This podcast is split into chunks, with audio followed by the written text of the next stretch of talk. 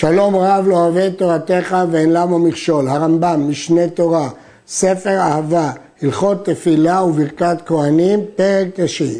בפרק זה עוסק הרמב"ם בסדר תפילת הציבור. סדר תפילת הציבור כך הוא, בשחר כל העם יושבים, ושליח ציבור יורד לפני התיבה ועומד באמצע העם. יורד כי מצווה להתפלל במקום נמוך, והתיבה הייתה אז במקום נמוך. נשים לב שהרמב"ם אומר שהחזן, שליח הציבור, עומד באמצע העם, זאת שיטת הרמב"ם. הוא מתחיל ואומר קדיש, וכל העם עונים, אמן יהיה שמי רבה בכל כוחם.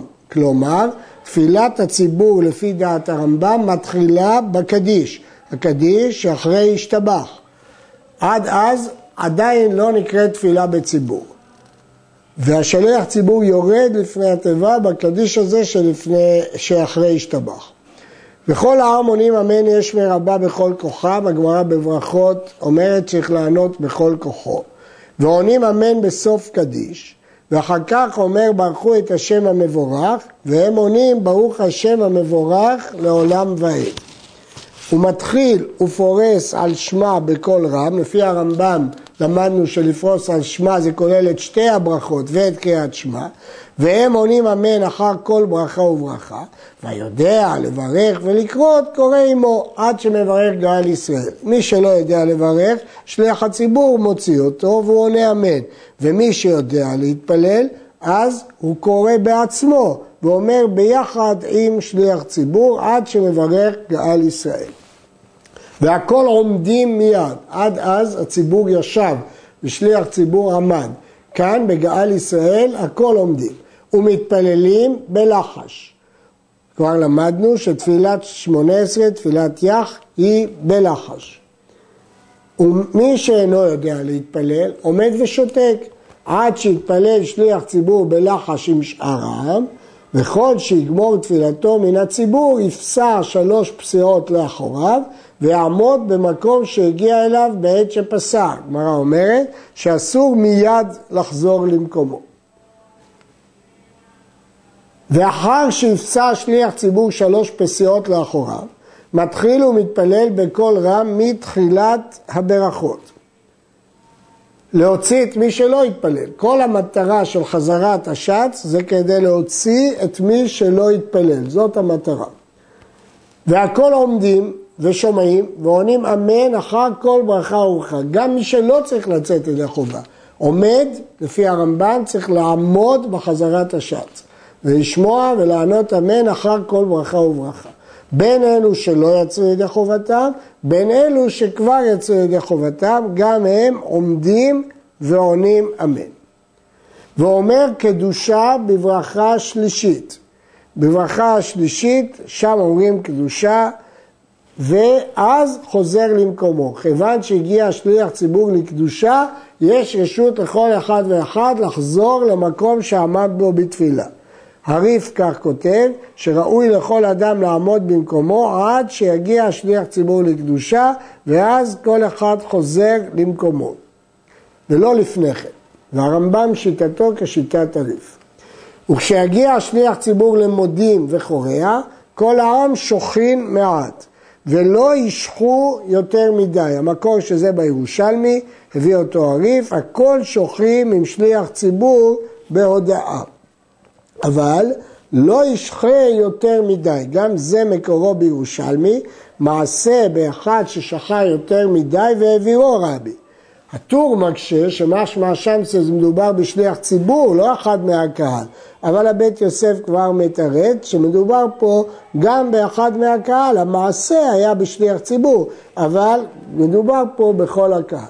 ואומרים, שליח הציבור אומר מודים משלו, מודים אנחנו לך השם אלוהינו ואלוהי כל בשר, יוצרנו יוצר בראשית, ברכות והודעות לשמך הגדול והקדוש על שהחליטנו וקיימתנו, כן תחיינו ותכוננו ותאסוף גלויותינו וחצרות קודשך, לשמור חוקיך ולעובדך ולעשות רצונך בלבב שלם, על שאנו מודים לך. הנוסח הזה לקוח בגמרא בסוטה. והפירוש הוא, אנחנו מודים לך על שחררתנו ומודים על שזיכיתנו להודות לך. וכל האומר מודים מודים, משתקים אותו. גמרא במסכת מגילה, משנה בברכות, והגמרא במסכת מגילה, והטעם שזה נראה כשתי רשויות. ואחר שישלים כל התפילה, כוונה שליח ציבור, ישב ויפול על פניו וייתה מעט הוא וכל הציבור.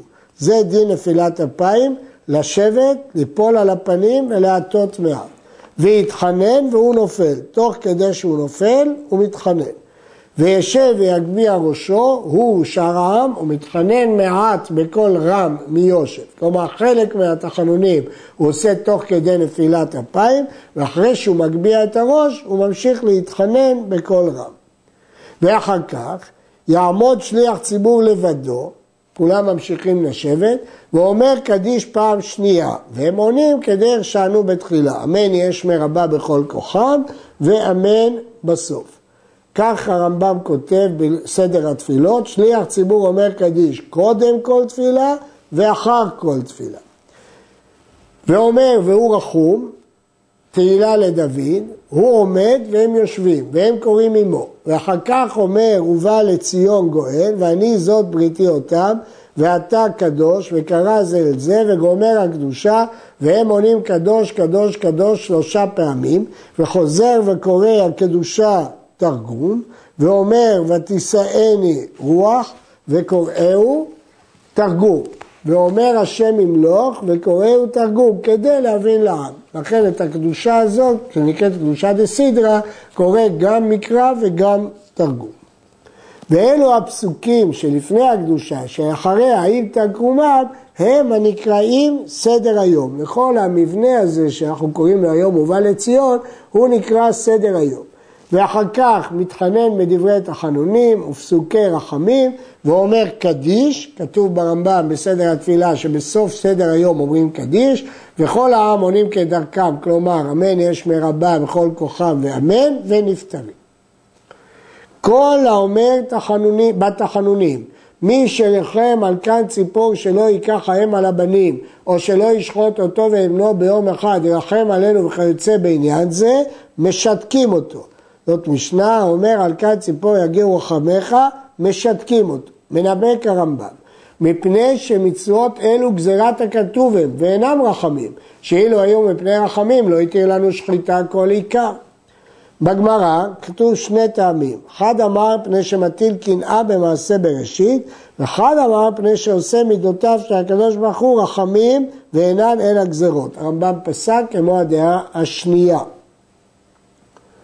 וכן לא ירבה בכינויים של השם ויאמר האל הגדול, הגיבור והנורא, החזק, האמיץ והעזוז, שאין כוח באדם להגיע סוף שבחיו.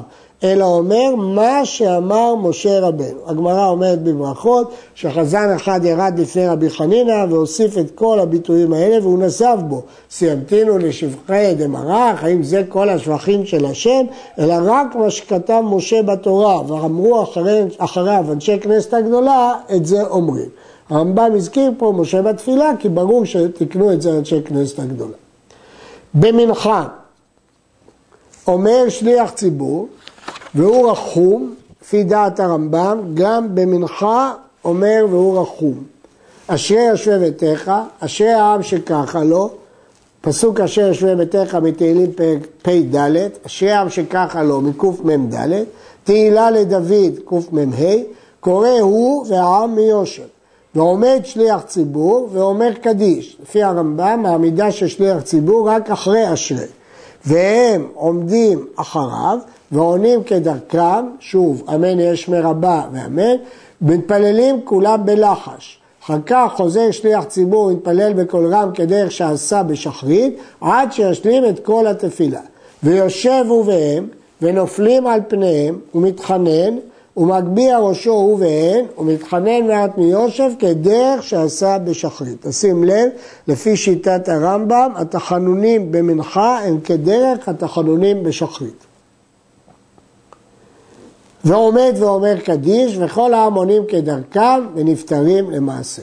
בערב, תפילת ערבית, כל העם יושבים, והוא עומד, ואומר והוא רחום, ברכו את השם המבורך, והם עונים, ברוך השם המבורך לעולם ועד. הוא מתחיל לפרוס על שמע. דהיינו, לפי הרמב"ם לפרוס על שמע, להגיד את ברכות קריאת שמע ולהגיד אחר כך את קריאת שמע. אם כן, תקנו לפי הרמב"ם את ברכו בשחרית וערבית. אבל לא תקנו את זה בתפילת מנחה, כיוון שמברכים לפני קריאת שמע, אז הברכו הוא מעין אזהרה לציבור לברך את ברכות קריאת שמע, וכן בקריאת התורה, כדי שיברכו על קריאתה. כך מסביר רבנו מנוח. ואומר קדיש, אחרי ברכות קריאת שמע, ואחר כך הכל עומדים ומתפללים בלחש, וכשמשלימים אומר קדיש והם נפטרים ואינו חוזר להתפלל בקול רם ערבית. אין לנו חזרת השץ בערבית. מדוע? כפי שאין תפילת ערבית חובה. לפיכך לא יבהר זה ברכות לבטלה, שאין כאן אדם שיתחייב בהם כדי להוציאו. כל המטרה של חזרת השץ זה להוציא את מי שלא יתפלל לידי חובה. אבל כיוון שתפילת ערבית היא לא חובה, אין צורך להוציא אף אחד, אז לא מברכים ברכה לבטלה. בלילי שבתות חוזר שליח ציבור אחר שמתפלל בלחש עם הציבור, הוא מתפלל בקול רם. כן יש חזרה, אבל לא מושלמת, אבל אינו מתפלל שבע, אלא ברכה אחת מהן שבע, תקנה מיוחדת בליל שבת, ובהמשך נראה מדוע. וכך הוא אומרה, ברוך אתה השם אלוהינו ואלוהי אבותינו, אלוהי אברהם, אלוהי יצחק ואלוהי יעקב, האל הגדול, הגיבור והנורא, אל עליון, קונה ברחמיו שמיים וארץ, בחלק מכתבי היד של הרמב"ם לא כתובה המילה ברחמיו, גומר חסדים טובים וקונה הכל, מגן אבות בדברו, מחיה מתים במאמרו, המלך הקדוש שאין כמוהו, נוסח הרמב"ם פה, המלך הקדוש, הוא לא הזכיר פה האל הקדוש, אלא המלך הקדוש, המניח לעמו בשבת קודשו, כי בם רצה להניח להם, לפניו נעבוד ביראה ופחד ונודה לשמוע בכל יום תמיד. מעון הברכות, תשים לב, הנוסחה שלנו המקובלת מעין הברכות, הרמב"ם גורס מעון הברכות, וכך נוהגים התימנים בתפילתם. מעון הברכות, על פי המדרש שיש מעון ששם הם הברכות. אדון השלום, מברך שביעי ומקדש השבת ומניח בקדושה לעם מדושני עונג, זכר למעשה בראשית, אלוהינו ולאבותינו, אצלנו ולמנוחתנו, ברוך אתה השם, מקדש השבת. ואומר קדיש, וכל העם נפטרים. ולמה תקנו חכמים זה? הרי אמרנו שבערבית אין חזרת השץ, כי היא רשות. למה בלילי שבת תקנו מהן שבע? מפני שרוב העם באים להתפלל ערבית בלילי שבת, ויהיה שם מי שנתאחר לבוא ולא השלים תפילתו ויישאר לבדו בבית הכנסת ויבוא לידי סכנה. לפיכך חוזר שליח ציבור ומתפלל כדי שיתעכבו כל העם עד שישלים המתאחר ויצא עמהם. זאת המטרה של ברכת בן שבע כדי שיספיקו גם המאחרים לגמור את תפילתם. הייתה סכנה לחזור בלילה. הרש"י הזכיר סכנת מזיקים, הרמב"ם אמר סתם סכנה. לפיכך, יום טוב שיכול להיות בשבת, או יום הכיפורים, או ראש חודש, אין שליח ציבור ירד ערבית לפני התיבה מזכיר עניין היום בברכה זו, אלא חותם בה מקדש השבת בלבד, לפי שלא נתחייב היום בתפילה זו. כיוון שהחיוב הוא רק מצד שבת, ולא, זה לא חיוב של היום, כיוון שזה רק תקנה בגלל סכנה, אז לא יום, זה לא כמו מוסף שאנחנו מזכירים את ראש חודש וכדומה, או בנעילה כיוון שכאן זה רק מפני הסכנה, זה לא חיוב של היום. לכן לא מזכירים לא את יום הכיפורים ולא את יום טוב ולא את ראש חודש. בשבתות וימים טובים, כשגומר שליח ציבור תפילת שחרית בקול רם, אומר קדיש, ואחר כך קורא תהילה לדוד, ואומר קדיש, ומתפללים מוסף בלחש, וחוזר ומתפלל מוסף בקול רם כדרך שעשה בשחרית, ואומר קדיש אחר תפילת מוסף והעם נפטרים. ואין אומרים קדושה, כלומר, ובא לציון, ולא תחנונים אחר תפילת שחרית כשאר הימים, אלא אומר אותה קודם תפילת מנחה, כיצד קורא תהילה לדוד ואומר סדר היום ודברי תחנונים, מה שאנחנו קוראים היום ובא לציון, ואומר קדיש, ומתפללים מנחה וחוזר ומשמיע תפילת מנחה בקול רם. הרמב"ם מסביר שבשבת, במקום להגיד את ובא לציון בשחרית, אומרים אותו במנחה. בראשי חודשים ובחולו של מועד, אומר סדר היום אחר תפילת מוסף. ומוצאי שבת אומר סדר היום גם אחר תפילת הערב, ואומר קדיש ואחר כך מבדיל. הסיבה שאנחנו אומרים את זה במנחה, סדר קדושה, יש שאומרים שהטעם מפני שנהגו אה, ללמוד לפני תפילת מנחה ולכן סיימו את הלימוד בפסוקי גאולה וקדושה, זה טעם שהוזכר אה, לפרש את דברי הרמב"ם. עד כאן.